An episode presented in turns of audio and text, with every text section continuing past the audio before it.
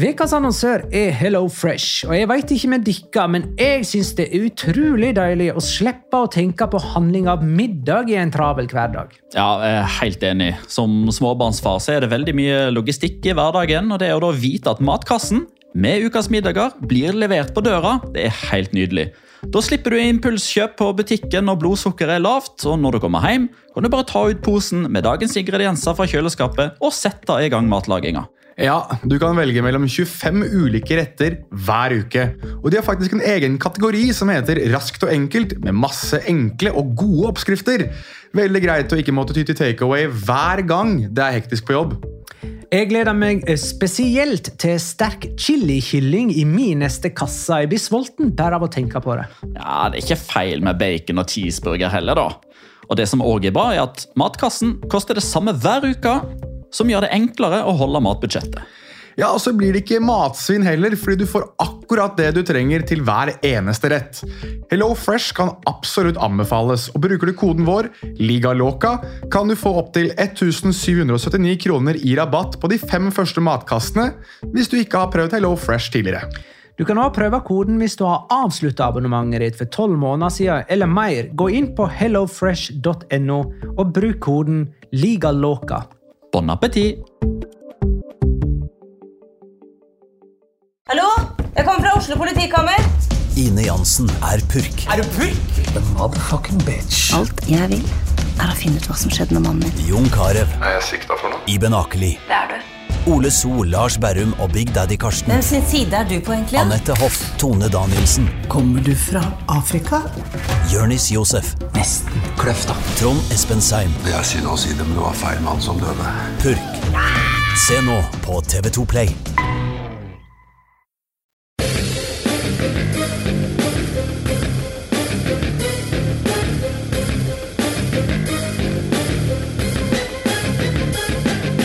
Har du sett? Husker du den gode, gamle hovedrunden da kamper gikk samtidig, og et lag i sør var i trøbbel pga. en skåring i nord? Den retrofølelsen ga La Liga oss i helga, med ni parallelle kamper søndag kveld. Og da alt var avgjort, var ingenting avgjort, og så var noe avgjort og noe helt åpent. La liga loca. En litt gærnere fotball. Ja, ja, ja, dette er La Liga Loca episode 208 av det ordinære, ja faktisk det ordinære slaget med Jonas Giæver i Oslo sentrum, hei. Shalom in the home. Petter Veland i Oslo sentrum, hei. Hei, hei! Og Magnar Kvalvik i Oslo, i Oslo sentrum, hei. Halla, Magnar. Hei, Magnar. Åssen er det å ha oss på plass i studio igjen? Er det deilig? Eh, Nei, det føles ordinært. Hvordan var Spania? Mm, turen. Helt uordinært. Uh, nei, det var kjempegøy, det. Det var hektisk, det var moro, og uh, uh, Altså, man, man er jo ikke vant med å reise i utlandet, da. Det er liksom det jeg fant ut. At det var, det var litt sånn rart å være i transit igjen. Det var eh, liksom, når jeg så disse bildene av dere med munnbind, at jeg ikke var misunnelig lenger. Ja, det var heldigvis bare eh, de få gangene Eller det var egentlig ganske mange ganger. Det var ganske vi måtte ta eh, taxi og tog. For det, er bare, det er bare der det er obligatorisk eh, fortsatt der nede. Det er på offentlig transport og apotek. Så var det vel også et et par anledninger i noen sånne donuts-forretninger at jeg ikke kjente noen sånn sterk misunnelse. Du aner ikke hva du går glipp av, Magnar. Men eh, litt misunnelig eh, Jeg så bildet fra Elche stadion. Hjelp meg nå, Martinez Martinez Valero. Valero. Mm. Der har jeg aldri vært, og den er litt kul, eller ser ganske kul ut på TV og på bildet. Den er ganske kul, den, altså. Den var Og så eh, ble vel faktisk Elche sikra mot Nerik med- i pausen av den kampen, til og med. Ja, Det var faktisk veldig, veldig veldig kult. Eh, For Vi hadde jo spekulert litt i det. Ja, altså Elche kan sikre plassen hvis de tar poeng. og Så kom vi etter hvert til sånn Jo, men altså, Mallorca spiller jo rett før. eh, Så hvis de eh, ikke skulle vinne eh, Eller nei, hvis de, hvis de tok poeng, så var det liksom greit. Og så kom jo skåringsoppdateringene. Vi hørte jo et par, et par ja, sånn fire-fem rader eller noe sånt, som åpenbart hørte på radio. Eh, For midt i pausen da, så hørte vi plutselig sånn Oi! Og Da var det visst Sevilla som traff tverrleggeren eller et eller annet sånt. Eh, Så da var det stang inn for Elche, og et par minutter etterpå så kom da sluttresultatet. Man hørte jo først jubelen, for det var åpenbart mange som hadde fått med seg dette, her, og så kom spiker og annonserte at Elche er deprimert. Det var kult. Det var moro. Mykket moro. Eh, Og så var jeg på Vallecas. Der har jeg faktisk eh, vært. Eh, Den kampen Der var det vel ikke så mye på spill? Det var først og fremst bare moro. Ja, Det var Viareal da, som har lyst til å spille i Europa Ja. neste år. Men hadde- de var klare. De hadde tatt ferie. De hadde, de hadde virkelig tatt ferie. Corneal Prat, eller RCDE Stadium, var ikke på. Ja, der, var, der var det bra. ingenting. Nei, men det var overraskende bra. Ja da. Ja, jeg har bare fått tatt stemninga for de som lurer på er det verdt å dra. Uh, Syns Cornea som sted Ikke dra dit, men dra gjerne på RCDE Stadium. Men med Steia, da? Der ville jeg ikke dratt uansett. Eh, eh, det er, der satt, eh, vi- satt jo midt i solsteika, som for så vidt er digg, det. Men det er jo når du sitter da litt sånn sild i tønne, eh, og den som satt til min høyre side var eh, en meget oppskøen og frekk ung jente som eh, oppførte seg som, unnskyld uttrykket, det største hespetreet jeg har vært borti hele mitt liv, så er, er Opplevelsen er ikke like gøy. Vi måtte dele oss på to der, og vi spurte veldig pent om, kunne, om resten kunne flytte seg to seter bort, slik at jeg, Petter, Joakim og Magnus eh, kunne sitte sammen. Det nektet da denne veldig frekke og ekle jenta, og derfor så har hun kommet eh, på min hatliste. Det var i Valencia at Joaquin møtte Joaquin.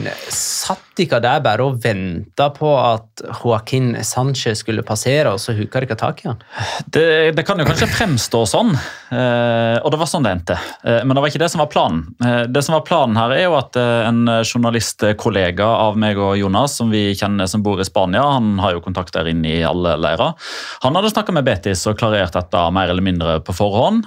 Problemet er at pressesjefen i Betis har noen undersåtter, som igjen har noen undersåtter. Eh, og det var noen av undersåttene til undersåttene som var den ansvarlige på denne turen, som fikk lov til å være litt sjef inniblant. Og når han da får lov til å herske litt og være litt drittsekk, så er Juan eh, det. Eh, Så han ba oss om å komme til spillerhotellet som Betis var på, klokka halv tolv.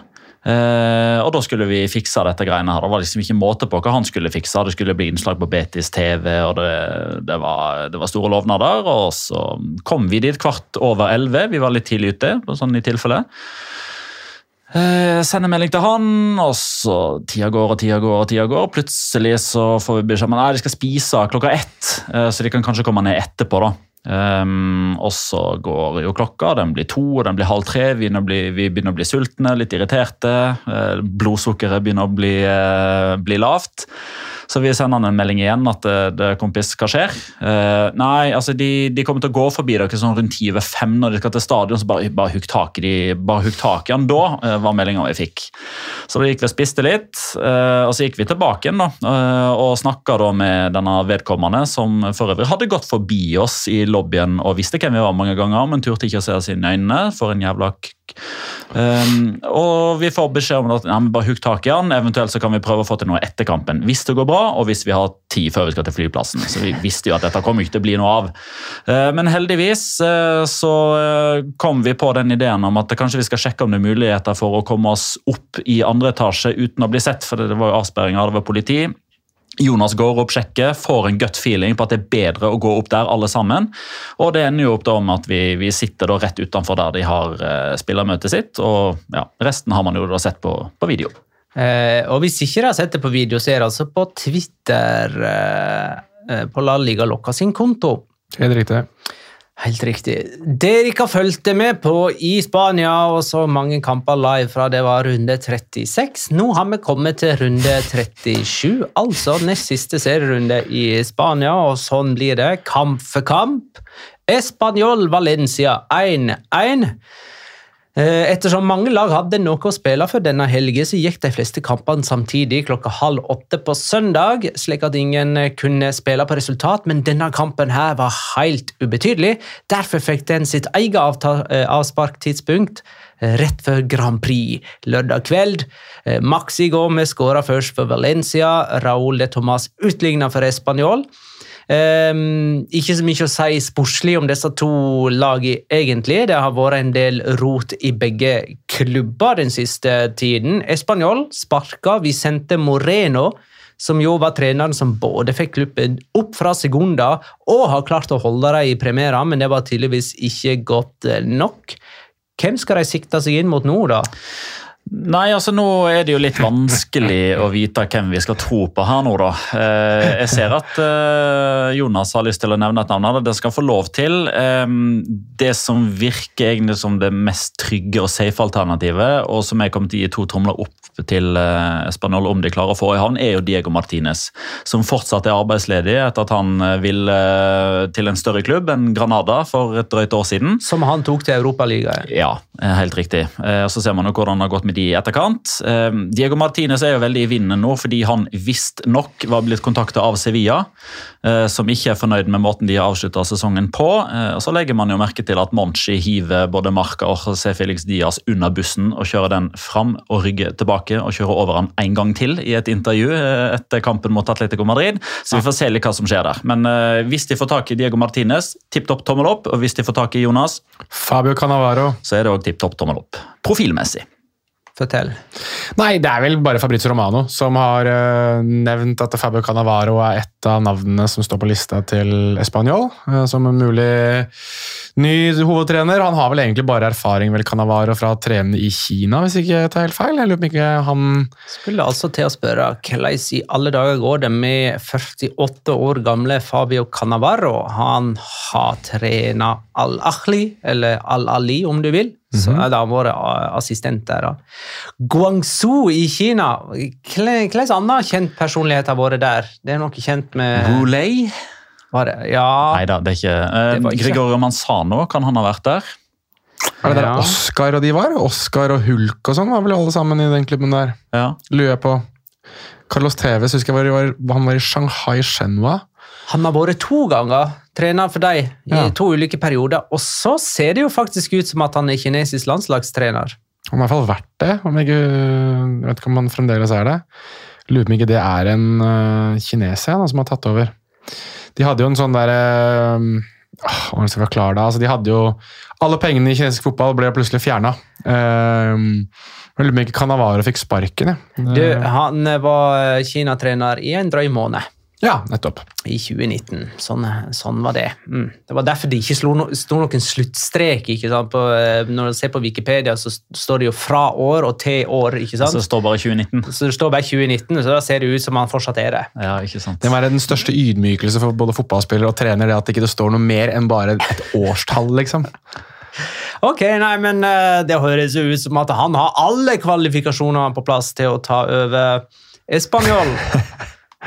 Ja, men tenk da at eh, det var Raúl de Tomàs som både skulle være redningen og eh, mannen som sørga for at uh, Vicente Moreno måtte gå. Altså, hadde det ikke vært for Raúl de Tomàs, så hadde jo Vicente Moreno fått fyken for lenge siden. For de poengene de har tatt, har jo nesten egenhendig Raúl de Tomàs skaffa de med sine skåringer. Men det er jo strupetaket på benken på Santiago Bernabeu som er, som er det avgjørende her. Ja, hva skjedde egentlig der? Det, det sies jo at Vicente Moreno ble fly forbanna over at Raúl de Tomàs shaka hands med Carlo Ancelotti på vei av banen, på vei, på vei bort til eh, benken. Eh, og at det var noe man ikke skulle gjøre eh, akkurat der og da.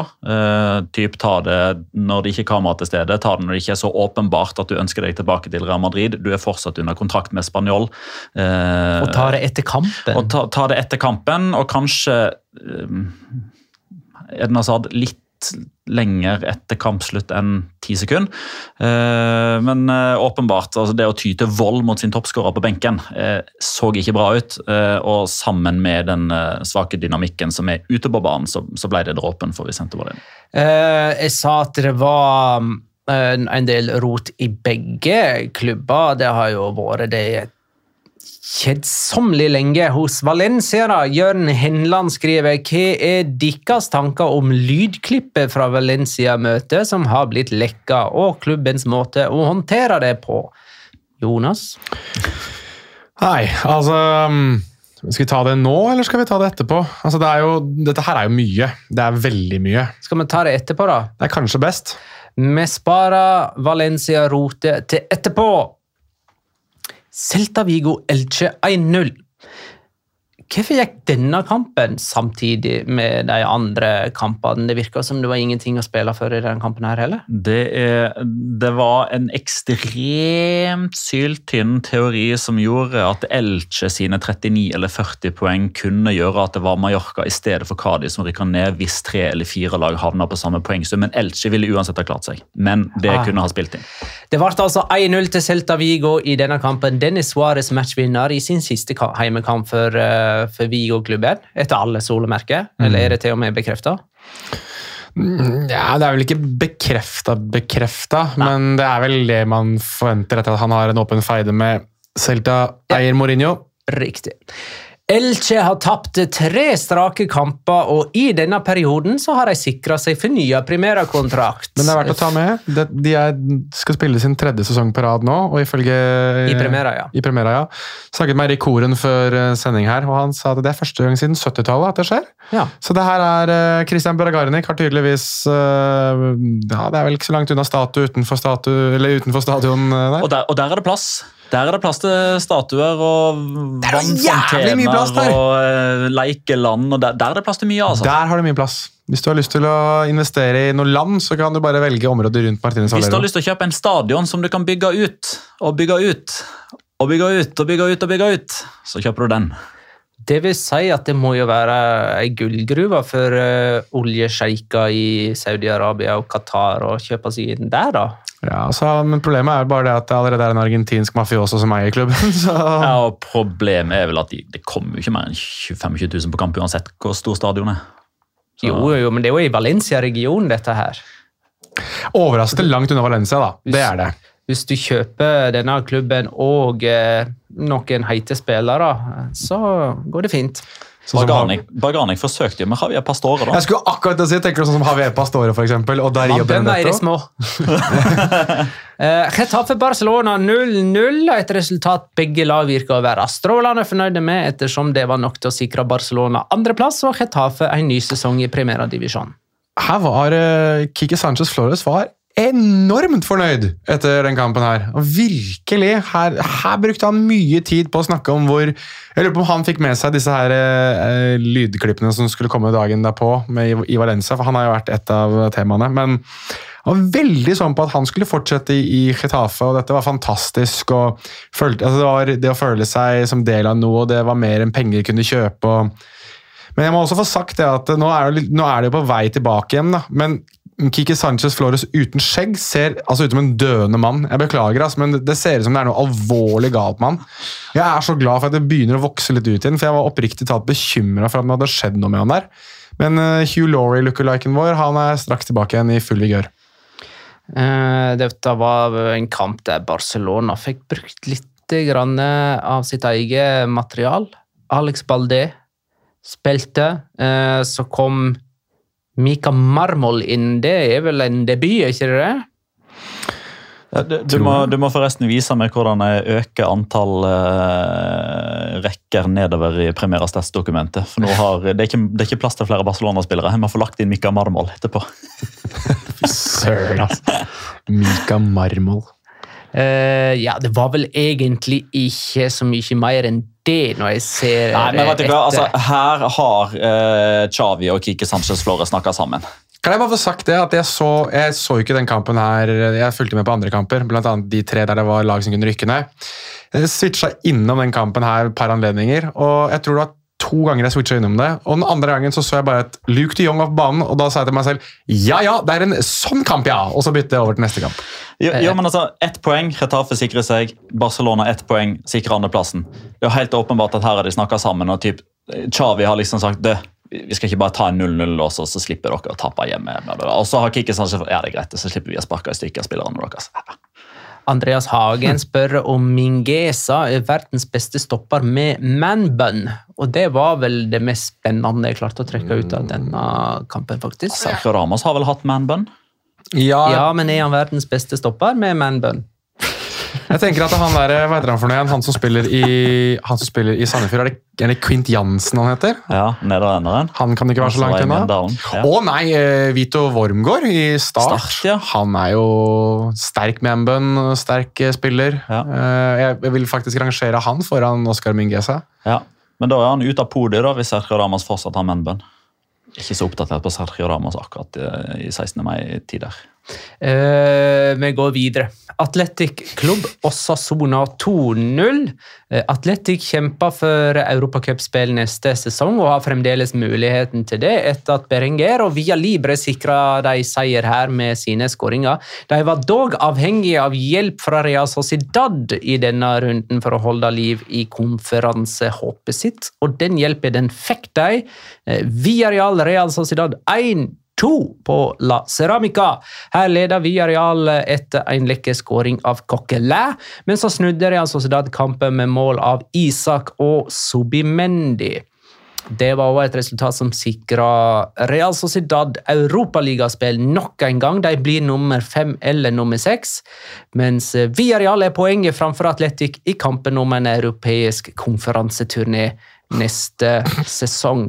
Jeg kom til å tenke på det på veien hit. Hadde ikke det nettopp for de to klubbene, Atletic og Villarreal, vært perfekt med konferanseliga? Siden de ikke har stor nok stall til å liksom kon eh, konkurrere på to fronter, men har kjempegode akademi som eh, får mulighet til å vokse med konferanseturné. Ja, altså jeg forstår hvor du vil hen, men så ser jeg jo liksom eh, finaleheatene i Europaliga og Conference League denne sesongen, og så er jeg nei, men ikke sikker hva, hva for en turnering som er. Altså I begynnelsen så er det helt åpenbart at er et gruppespill på, eh, på Ja. høsten der.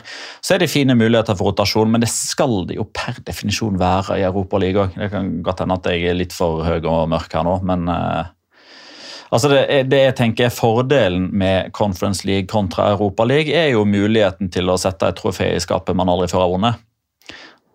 Det er eneste gang eneste gang jeg som Viardal-supporter kan si noe sånt. For Europa League er det eneste vi, de Ja. faktisk har vunnet. Oi, vi faktisk har Nei, ja. jeg korrigerte meg til de. Ja, ja, ja, ja. Jeg skulle til å si Villarreal, men jeg sa de i stedet. Vi, sa du. Vi. Um, kom, eh, altså Villarreal i Europaligaen. Det samme med Atletic klubb òg i Europaligaen. Har tradisjoner for å kjøre egentlig med sine, mest, eh, ja, sine viktigste spillere hver bidige torsdag.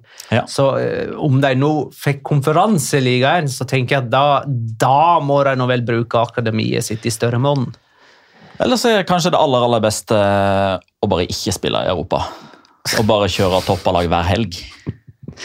Eh, I kampen om denne sjuendeplassen, som altså gir Conference League, eh, så har vi areal alltid i egne hender, men de møter jo Barcelona på kamp nå. Det er vel favorittstadion til Una Emery? det ikke Eh, det? ja. men, men skal de noen gang, skal de noen gang eh, klare å vinne der et Unai Emery-lag, så er det jo mot et Barcelona-lag som eh, i dag vel fikk tre dager fri av Xavi. Så de kommer jo eh, godt rustne tilbake igjen på torsdag og skal spille denne kjempeviktige kampen. Opium. Opium. Atletic klubb møter jo Sevilla på Ramón Sánchez Pijuan, så det er jo en liten utfordring, eh, de òg. Alt dette blir avgjort fra klokka 22 søndag kveld. Gleder meg til å reise til enten eh, Aker stadion eller SR Bank Arena. Jeg ser Villarreal. Det blir gøy, det. Eh, ja, eller til Bodø, da? De tror jeg ikke skal spille Conference League til høsten. Tror ikke du det? Nei, de styrer inn i Europa League. Nei. De ryker ut av den ene playoffen etter den eller kvalikrunden etter den andre og tar en ny heidundrende okay, Ok, greit. Hvis det blir Aspmyra, så skal jeg fortsatt reise. Det er helt greit.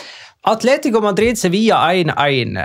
Eh, Jimenez ga Atletico 1-0 før pause. Enesiri dukka plutselig opp og utligna for Sevilla fem minutter før full tid. Og det var nok til at Sevilla sikra Champions League-spill neste sesong.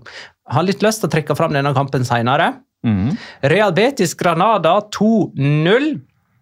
Eh, To mål av eh, Juanmi for Betis, som eh, lenge trodde at de skulle kunne kjempe om en Champions League-plass i siste serierunde, men det var altså før Enesiri utligna for Sevilla på Wanda Metropolitano.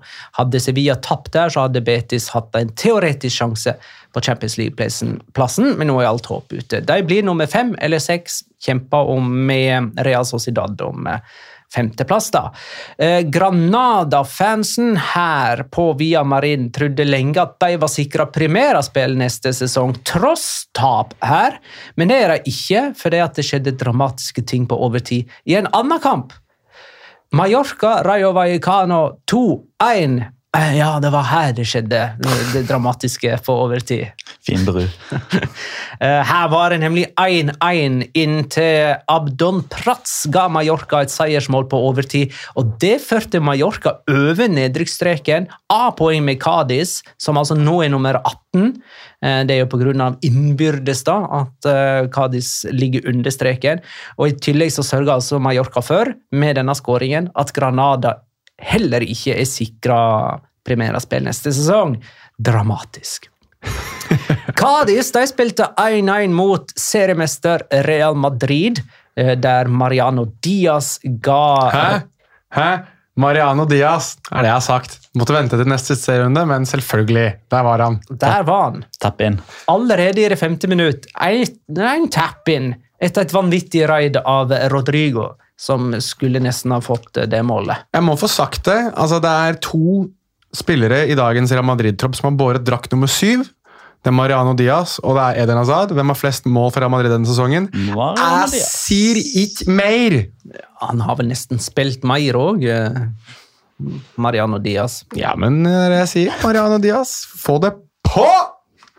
Eh, Ruben Sobrino utligna eh, for Cádiz her før pause, og etter pause så bomma Alvaro Negredo på straffe. Eh, og derfor er Cádiz under streken.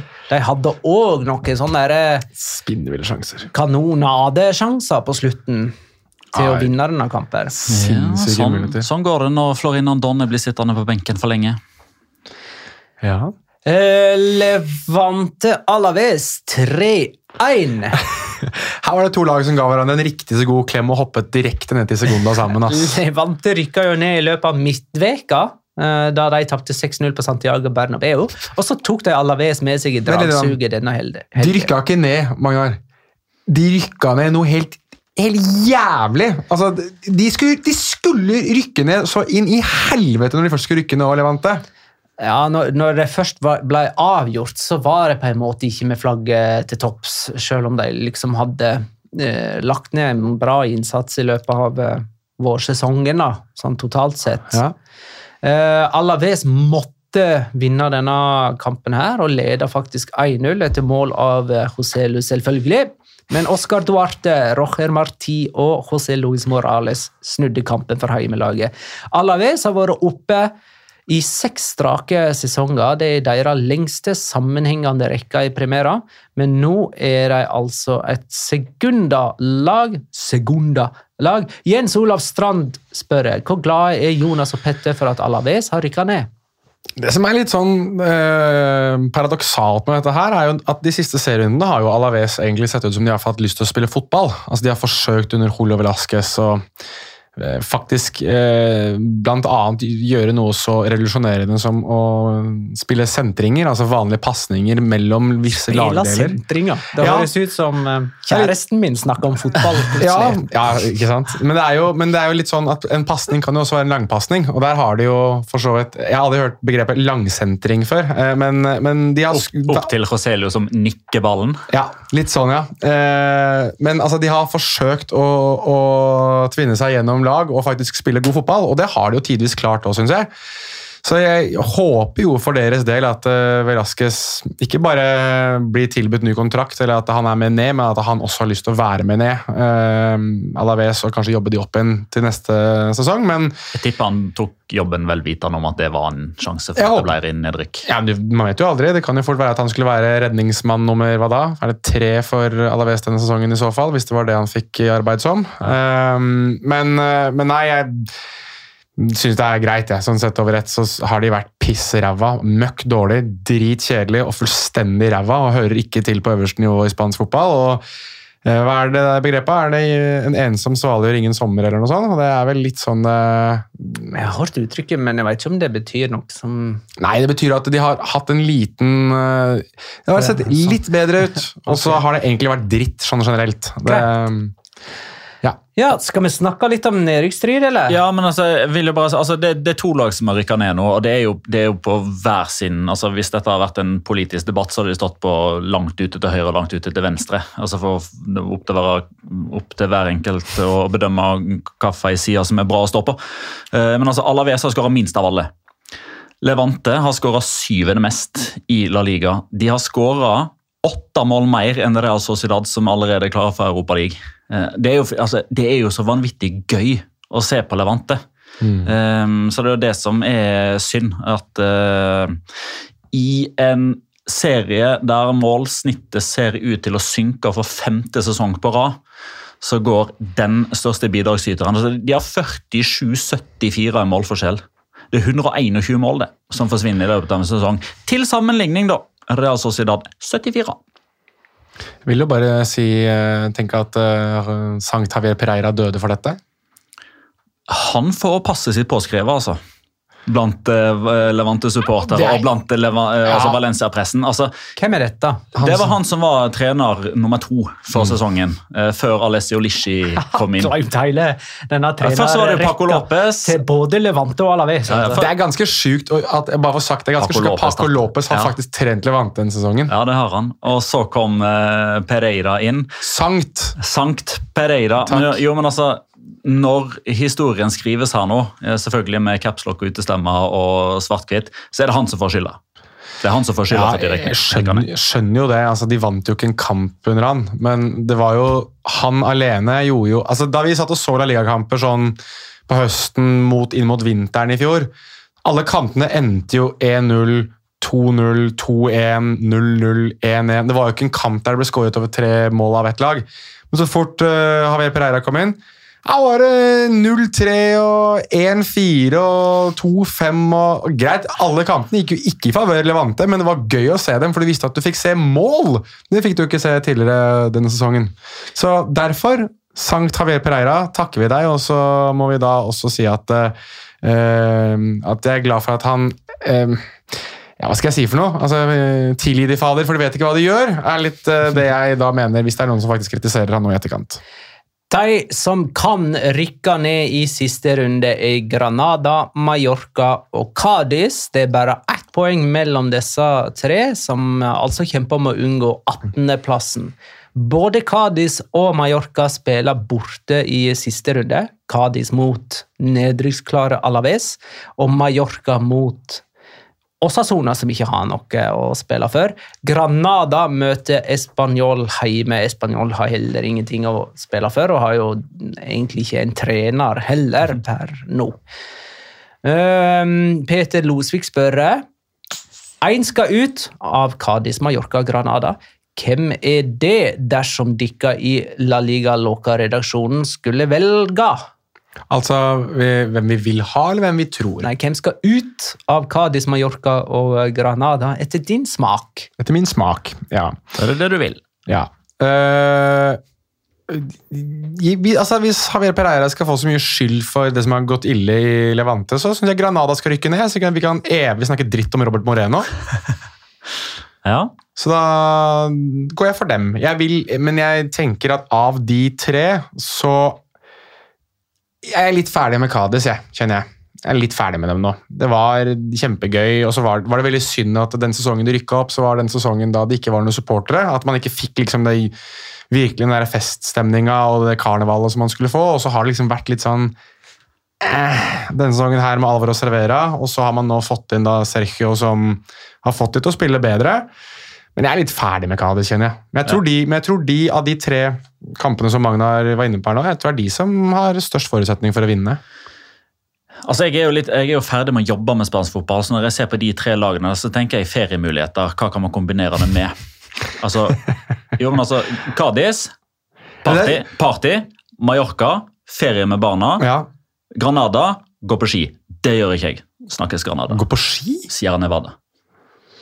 Men drit nå i det. da. Dra, dra, til, altså, dra på La Lambra og sånn. da. Det er jo det som er dritfett i Granada. Du skal ikke på ski. Hvor mange timer det er gøy å gå der, altså. Eh, Jeg har òg litt mer sansen for Cádiz og Mallorca enn Granada. Eh, Jeg har egentlig ingenting imot noen av dem, men bare liker Cádiz og Mallorca litt bedre. Men det er tre feriedestinasjoner, da. Den, den av disse her jeg virkelig ikke vil at skal rykke ned, sånn med tanke på norsk interesse i spansk fotball, er Mallorca. Det er mange som forelsker seg i fotballag på ferie, og det er betraktelig flere nordmenn som drar til Mallorca enn til Cádiz og Granada. Så for vår del, og for podcastens del, og for den spanske fotballens interesse i Norge, har jo allerede Braut Haaland kastet ganske så mye eh, vann, kaldt vann på det håpet vi har for at dette skal virkelig blusse opp. Hvis Mallorca forsvinner også, så er det null håp for oss. Det er fra klokka 20 på søndag at dette skal avgjøres. Og her kan vi jo faktisk garantere drama og kontroverser. Eh, Jeg har ikke mer å si om nedrykksstriden, jeg. Så jeg eh, fører oss videre til Atletico Madrid og Sevilla. Kan jeg bare stille ett spørsmål bare avslutningsvis på dette med nedrykksdrama? Hvis eh, Mallorca skulle rykke ned, Petter, betyr det da at i løpet av tre, er det tre sesonger så har Javier Aguirre klart å rykke ned med to forskjellige lag? Altså Leganes og Mallorca? Ja. Un whisky i adormir, for å sitere han. Eh, Atletico Sevilla-kampen var jo ikke så kul, og det var ikke så mye å snakke om. Men eh, det som er litt interessant, er at Sevilla virker å være ferdige med Lopetegi etter denne sesongen. Er det noen som kan bekrefte, avkrefte eller fyre opp under det? Ja, nei, altså, Som sagt, eh, Monchi kasta jo Marca og José Felix Diaz under bussen. Eh, Rygga over Marca og José Felix Diaz igjen, satt den inn i gir og kjørte over vedkommende for tredje gang og sa at dette er reinspikka piss og møkk. Å ja, jeg trodde det hjalp bare en, på det å potensielt ansette Diego Martinez. Ja, nei, det var eh, Altså, hva var det han sa? Eh, altså, Vi har nådd eh, målsetningen vår. Vi spiller Champions League for tredje sesong på rad for første gang siden eh, Krigen. Bortimot. Det- det- Hvorfor skal vi bli kvitt uh, Julian Lopetegi? stilte han spørsmålet tilbake igjen. Det første gang siden 50-tallet at de er topp fire tre år på rad. Ja. Det er ikke så langt unna det med krigen, da. Ja, men da, Eh, Borgerkrigen. ja, Altså, det men da gikk jo ikke topp fire til Champions League, da. Det var egentlig eh, litt det jeg lurte på, om de hadde mista helt perspektivet her, eh, Sevilla, og liksom uh, trodde at treet skulle vokse inn i himmelen hvis dette her ikke var godt nok, og at de nå hadde blitt eh, At Lopetegi var trøtt av Sevilla, og Sevilla trøtt av eh, Lopetegi, liksom. Ja, men altså, Litt av konteksten her da, er jo at eh, altså, Vicente Mareno får sparken i Español på bakgrunn av en svak utvikling, en svak andre halvdel, og at han tyr til fysisk vold mot toppskåreren på benken. Det har jo ikke Lopetegi gjort. Men hadde det vært noe annet der òg, eh, ikke bare en svak avslutning på sesongen, litt for tidlig ute i Copa del Rey, litt for tidlig ute i, i League, og gått fra faktisk å pushe Real Madrid fram til halvspillsesong til å faktisk bare være det åttende beste laget eh, etter at man eh, snudde, snudde sesongen og gikk inn i andre halvdel. Altså, men igjen, da, det kommer litt an på Vil man være negativ, eller vil man være positiv på vegne av Julian Lopetegi og Sevilla? For det er veldig mange måter å se deres sesong på. Den ene er jo at det er altfor mye uavgjort, de klarer ikke å underholde nok, de er for forutsigbare i angrep, og at de avslutter veldig dårlig. Men det som jo òg er et uomtvistelig faktum, er jo at eh, vi må tilbake inn til 2012-2013 for å finne forrige gang et lag har tapt så få kamper og ikke blitt seriemester. Ja. Det har skjedd sju ganger at et lag har tapt tre eller færre. Sevilla har bare tapt fire. De sju forrige lagene som har tapt én, to eller tre, har alle vunnet La Liga. Ja. Alle har vunnet La Liga. Jeg syns jo altså øh, For vi hørte på dette her på spansk radio. Øh, at vi må sette dette litt i kontekst. da. Altså Sesongen til Sevilla, og det samme gjelder for så vidt Atletico Madrid, som var den diskusjonen jeg hørte. Altså, Man snakker om at det her har vært en skuffende sesong for, for Sevilla. så du det vært fire år på rad nå, hvor de spiller, eller har kommet topp fire. Tredje, tredje sesong på Tre rad. år. Ja. Man snakket jo om, om eh, i forbindelse med Atletico Madrid at det å komme kun til Champions League er en skuffende sesong for Atletico Madrid. Og Det synes jeg er litt som, det er kanskje det største komplimentet du kan gi dem, egentlig. For det er jo en klubb som nå da ti år på rad spiller Champions League. Det er en klubb som var litt sånn jojo-ish på tabellen, som kunne godt ende litt langt ned. De var og spilte Europaliga kontinuerlig og sparket trenere litt sånn hipp som haps og egentlig ikke hadde noen kontinuitet. Sevilla på sin side har jo vært en klubb som har skiftet ut veldig mye av spillertroppen sin, og, og kanskje ikke vært like hyppig hele ja, ok, la meg korrigere meg selv, De har vært ganske hyppige på trenerfronten, de òg, men kanskje ikke fullt så hyppige som man skulle ha trodd. Men de har tre år på rad i Champions League, de har klart å bygge en stamme i laget, og de ser ut til å ha en form for kontinuitet som de ikke har hatt før. Likevel så snakker vi om at det er en skuffende sesong, og jeg har jo selv sittet i ikke dette studio, men i gullstudio og satt og snakket om at dette var året de virkelig skulle gå for seriegull. Det er jo det, det største komplimentet vi kan gi disse to lagene her. Dette er jo to klubber som altså, har vært bak Deportivo la Coruña i sin tid, som har vært bak Valencia i sin tid, og som har vært litt sånn opp og ned mellom det å spille i den nest gjeveste europeiske turneringen og en og annen gang oppe og liksom luktet på, på Champions League. Nå er begge lagene der oppe hele tiden. Nå må vi snart gå fra å snakke om vi har gått fra å snakke om de to store, Real Madrid og Barcelona, til at Atletico Madrid har dyttet seg selv inn. Og jeg begynner å lure på om vi nå er vi en sesong eller to fra at Sevilla må inn der, hvis de fortsetter med det her, da, for å være der sammen med de tre. Og Da går vi fra tre store til fire store, og det er en ny hverdag for enhver spansk fotballaficionado. Ja, Men det blir jo fire store der den ene ikke har reelle sjanser til å vinne. Bare sånn at jeg får født inn den. Eh, Sevilla er aldri noen tittelkandidat. De Men, men, men nå er det jo tredje sesongen på rad at det er de som er topp fire. Ja, ja. ja. Eh, du når, eh, altså det er tredje sesongen på rad at eh, du har de samme fire så- på topp fire. Mm. Uh, og det har skjedd én gang før. Uh, vet ikke når det var, eller? De samme tre på topp fire?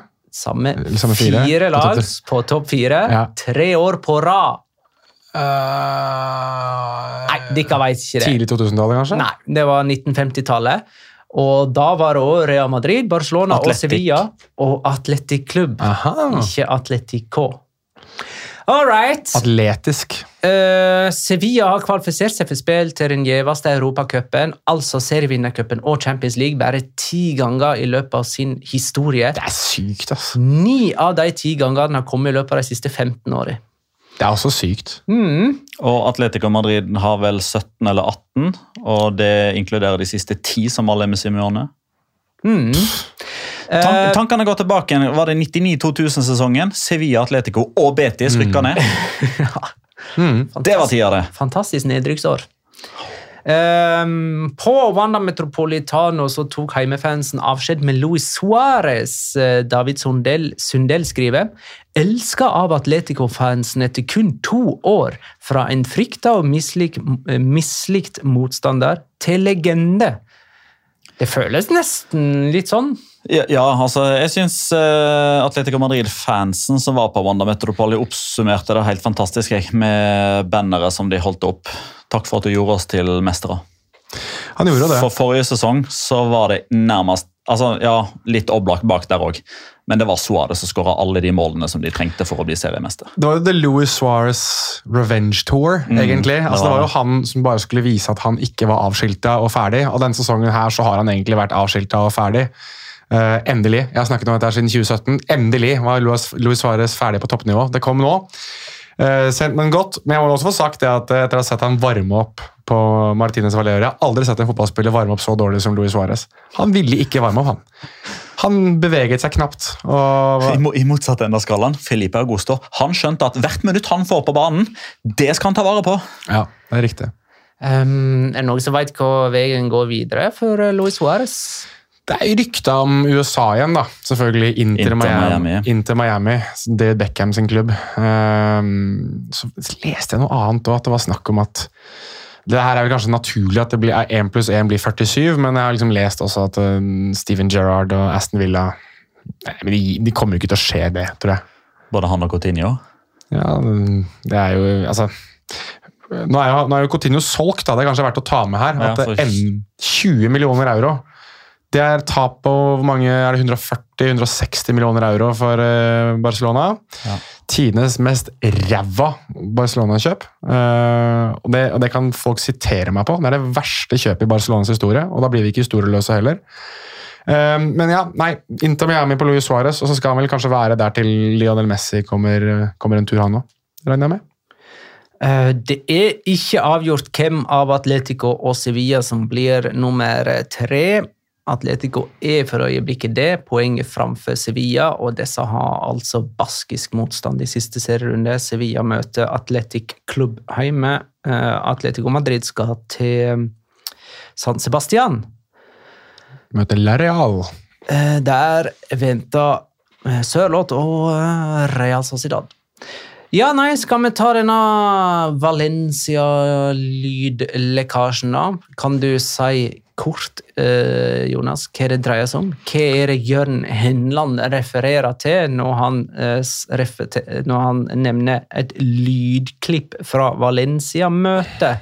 Ja, veldig fort, da, eh, for å ta det. Altså, det er jo noen um, Lokalavisa Super Deporte, som er en Valencia-avis, em, har jo da fått tilgang på lydklipp fra en middag som da eh, Anel Murthy, eh, Valencia-president, annet skal ha vært på, sammen med eh, en del ulike Valencia-firmaer og Valencia-selskap eh, i forberedelse til noe sånn uh, NIT de Valencia eller noe sånn, sånn veldedighetsgreie. Eh, der skal han da ha snakket ganske åpent og ganske fritt om hvordan ting har vært i klubben, eh, og hva han tenker om veldig mange ulike temaer, bl.a. Uh, Carlos Soler, José Luis Gaya, stadion, det at ikke de har en sportsdirektør, hvordan de skal eh, bruke akademiet sitt, eh, fotballforbundet, eh, den økonomiske situasjonen, eh, om Bordalas eksempel også. Altså veldig mange temaer som har blitt, eh, blitt nevnt, og som han har snakket veldig fritt og åpent om.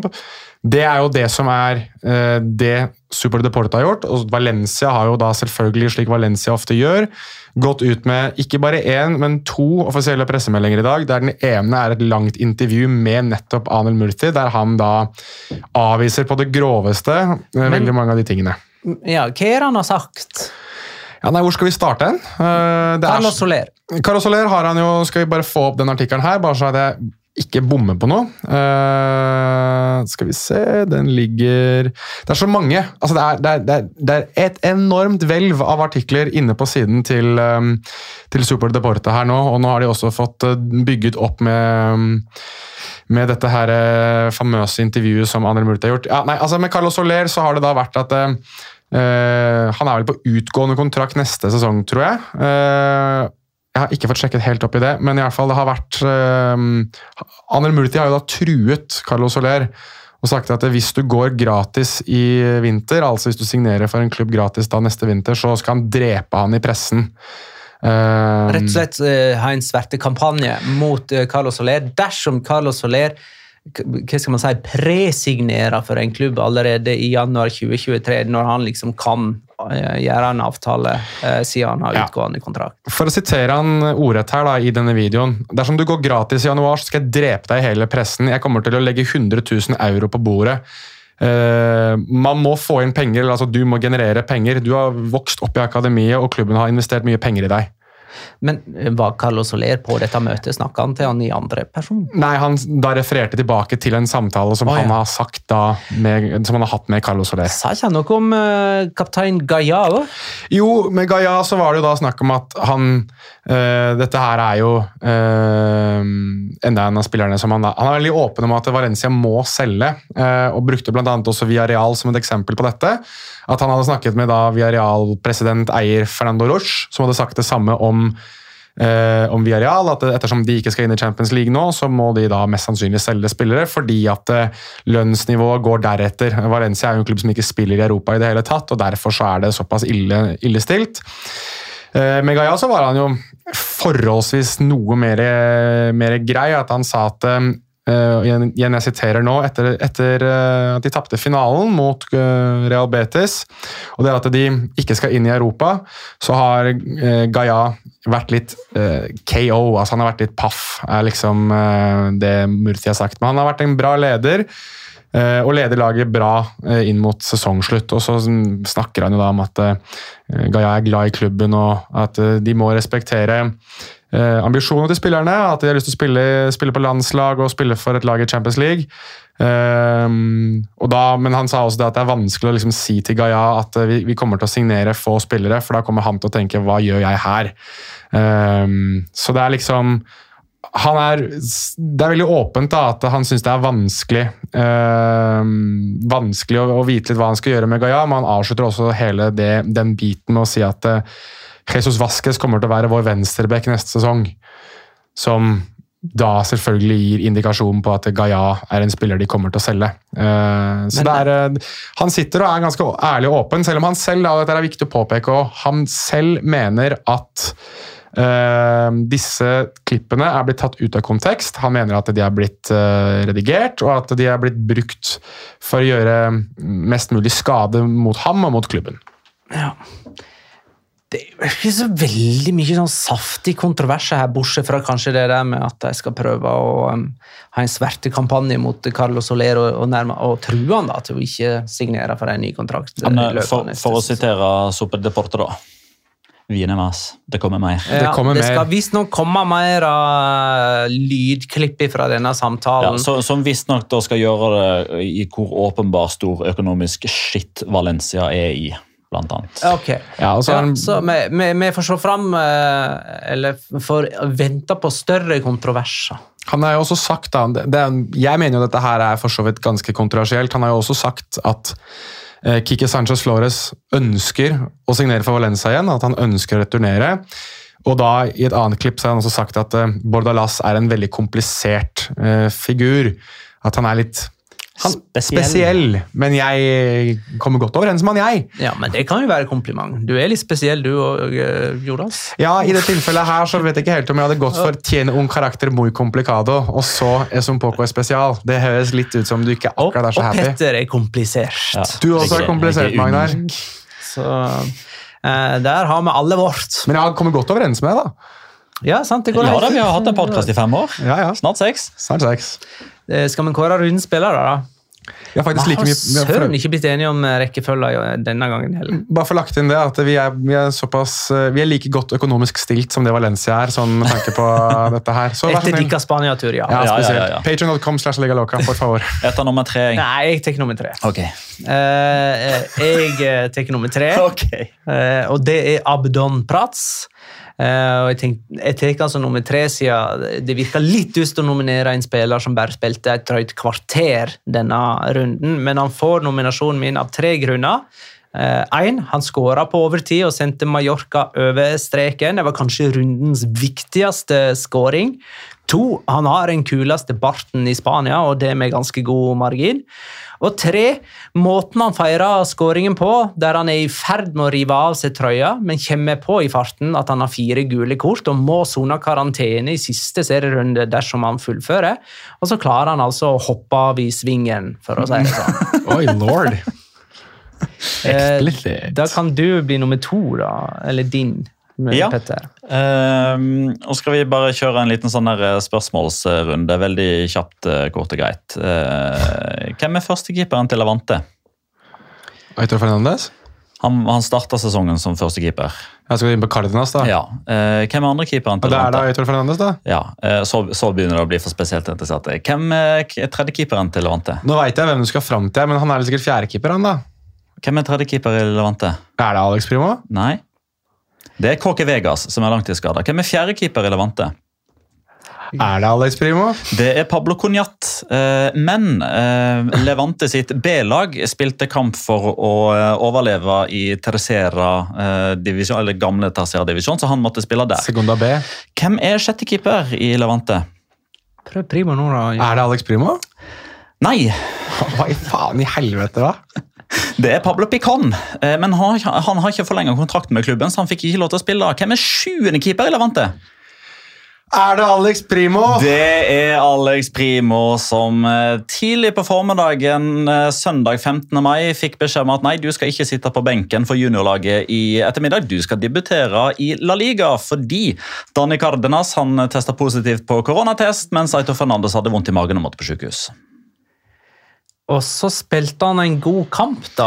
Han redda ett av de to skuddene. Nei, det var bare for å få lov til å fortelle den historien her. okay, han, var, ikke noe god. Den, for å si det sånn, da. Han spiller ikke La Liga igjen, sånn som Ansu Fati. For Han kommer aldri til å se han igjen. Oi, oi, oi. Oi, oi, oi. Det blir spennende. Tenk- tenk når han spiller. Han er 17 år gammel, Ja, Alex. Primo. Ja, ja. Eh, Da VM-gull hadde, med Spania han, i 2032. han hadde 34. én god redning, det hadde han. Han, han redda ett av de to skuddene. Men- Joselo men, sin eh, kunne han ha tatt. Det, det var ikke Han var ikke stor da han slapp inn, nei. Det Nei. var ikke. Er det, blir det, er det sånn um, vi har Det allerede- der må jeg skrive ned. Alex Primo Ja. spiller aldri La Liga igjen. Ja, for jeg skulle til å si det. Vi hadde jo nylig, vi hadde nylig en sånn eh, der vi gikk gjennom hvem som spiller for Spania i VM 2032. Ja. Nei, 2028, sorry. Eh, 2026.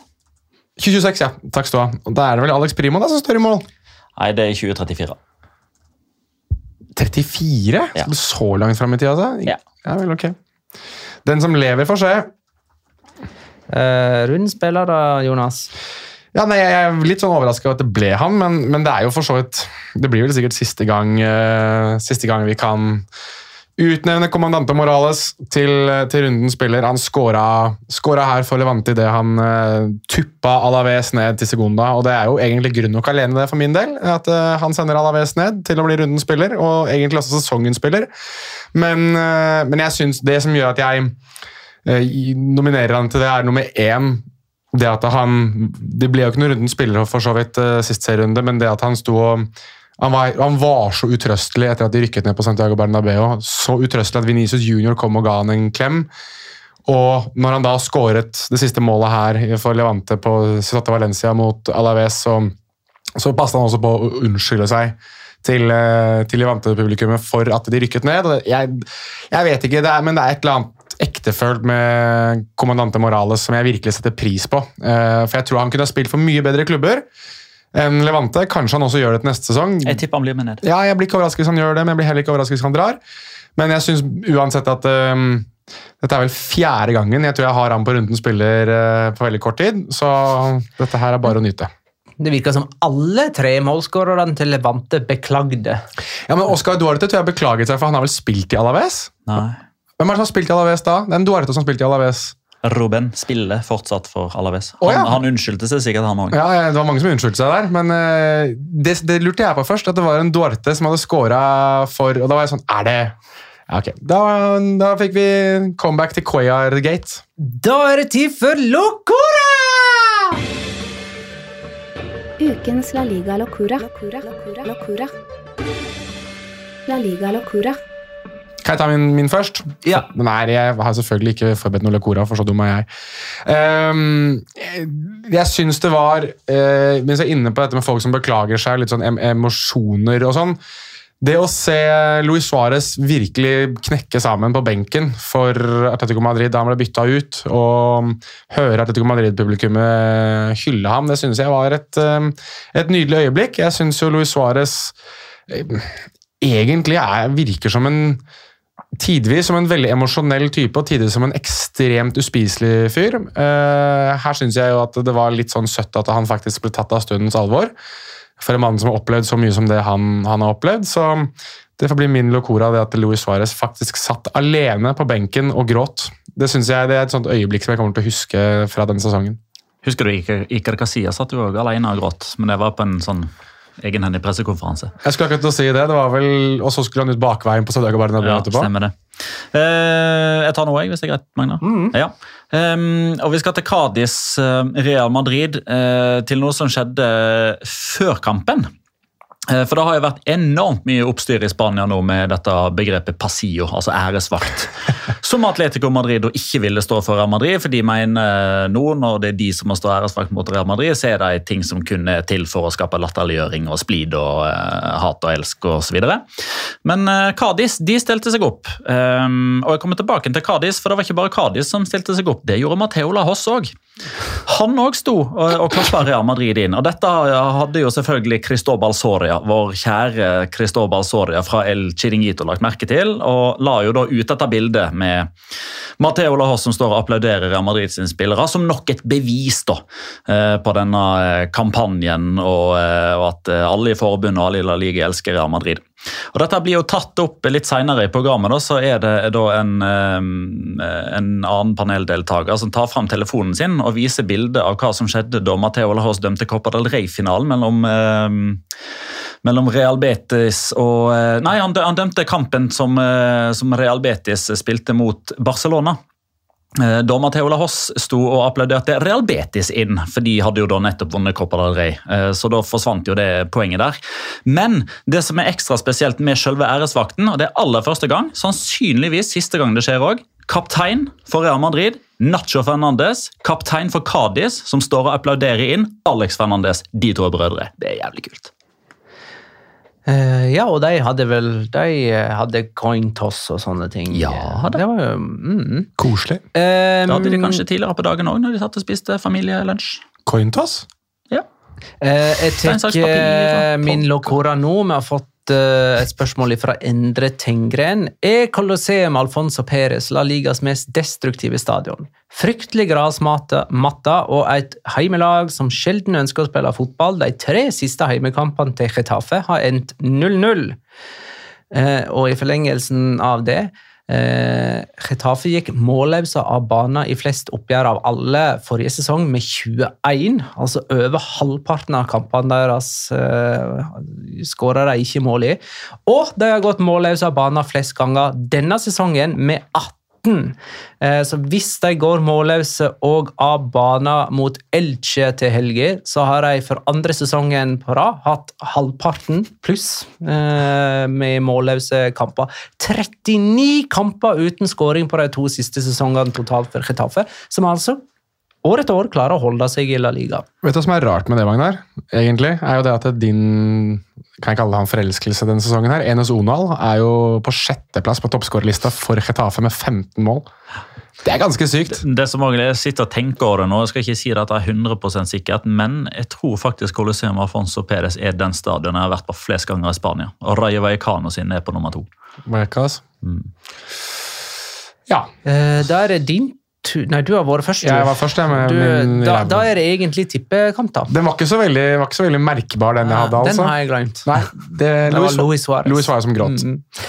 Eh, forrige tippekamp var Atletico Sevilla, som endte 1-1 med Jimenez som første målskårer. Jeg hadde 2-1 med Carrasco som første målskårer. Eh, det gir meg null poeng. Jonas hadde 1-1 med Ticatito som første målskårer. Det gir tre poeng. Og Petter hadde 1-0 med Mateos Cunha som første målskårer, og det gir null poeng. Totalt da, og nå kan jeg bare minne om at eh, det er fem poeng igjen å spille om i denne interne tippekonkurransen.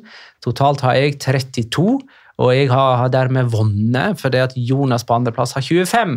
Men eh, det kan bli poengtrekk i etterkant da, kan det ikke det? Nei, Nei, det kan ikke det. kan det ikke. Og jeg tror det er tredje året på rad at jeg vinner. Jonas har altså 25, Petter har 21. Så du må ta oi, oi, en må ha fem fempoenger nå. Du må ha en fempoenger, mens Jonas ikke skal ta noen poeng i neste oh, pressure. Og dermed så har jeg prøvd å velge en så åpen kamp som mulig. Har du tatt Retafe Elche? ikke- Ja, altså det kunne Elche, Valencia Celta? Det blir Elche Getafe i så fall, siden Elche er hjemme. Men det, ja, der har du to lag som ikke har noen ting å spille for. Du veit ikke hvilket lag de kommer til å stille med fordi at eh, de er ferdig med sesongen. Eh, og ja, det er Valencia, Celta, Vigo. Valencia Celta, ok. Eh, lørdag klokka 17.30. Det er faktisk en kamp som faktisk kan bidra til at Valencia blir nummer tolv. For hvis de taper, og Rayo vinner sin kamp mot allerede nedrykksklare Levante, da blir Valencia nummer tolv.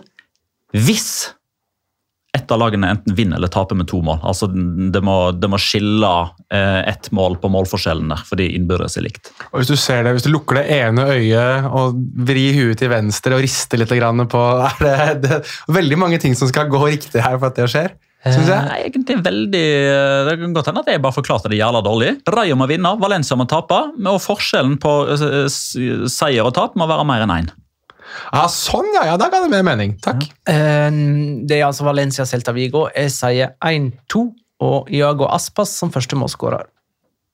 Det her er Jonas. Nei, Det er jo siste serierunde, da. Og da mener jeg jo at det er siste gangen denne sesongen. Da blir det altså 0-0 garantert! Ingen målskårer. Og det som gjør at uh, unge Veland leapfrogger Jonas Giæver, og at uh, Magnar uh, tar en enda mer sikker førsteplass, det er jo at Jago Asper skårer det første målet, men de vinner 2-0. 0-2, altså. Mm. Jeg er litt sånn på det at eh, jeg er nok mer enig med dere, men jeg tenker at det her kan ikke la en god garantert ryke uh, når det er kun én serierunde igjen. Og så regner jeg med at jeg taper det her, at Petter vinner det her eller går forbi meg, selvfølgelig med full pott, og at de hamstringene mine ryker over uh, sommeren. Og hvis Petter uh, taper, så får vi jo endelig en som gjennomfører den straffen han blir tildelt. Ja, men jeg skal løpe halvmaraton, jeg. Men, men jeg har jo ikke fått noe straff for forrige sesong. Altså, jeg, jeg har fått Nei, det er jo ingen som gidder å straffe. Det det var noe greier med den der Kiwi-uniformen din. Den har jeg ikke funnet. Jeg har sett etter den. Det, oh, det gikk ikke, gitt. Nei, men jeg har den ikke. Nei, det er ikke Jonas sin feil. Jeg har den ikke. Jeg har den ikke! Hva vil jeg skal gjøre? Skal jeg møte russebukse istedenfor det? Det har jeg. Hvis noen av lytterne våre jobber for Kiwi, you know what to do. Hvis, ja, men vet du hva?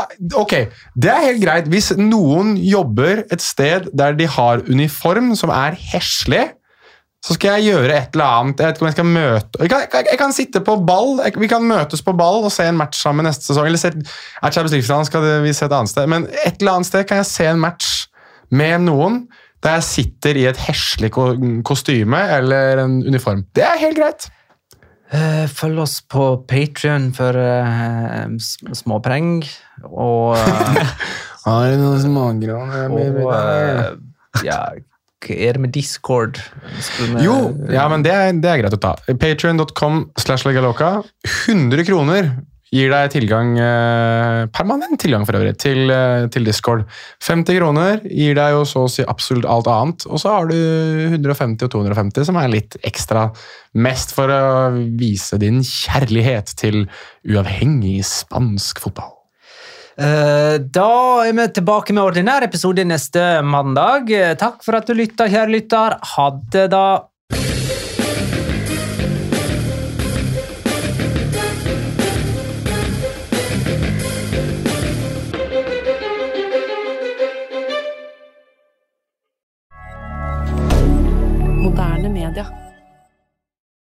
Har du et enkeltpersonforetak eller en liten bedrift? Da er du sikkert lei av å høre meg snakke om hvor enkelt det er med kvitteringer og bilag i fiken, så vi eh, gir oss her, vi.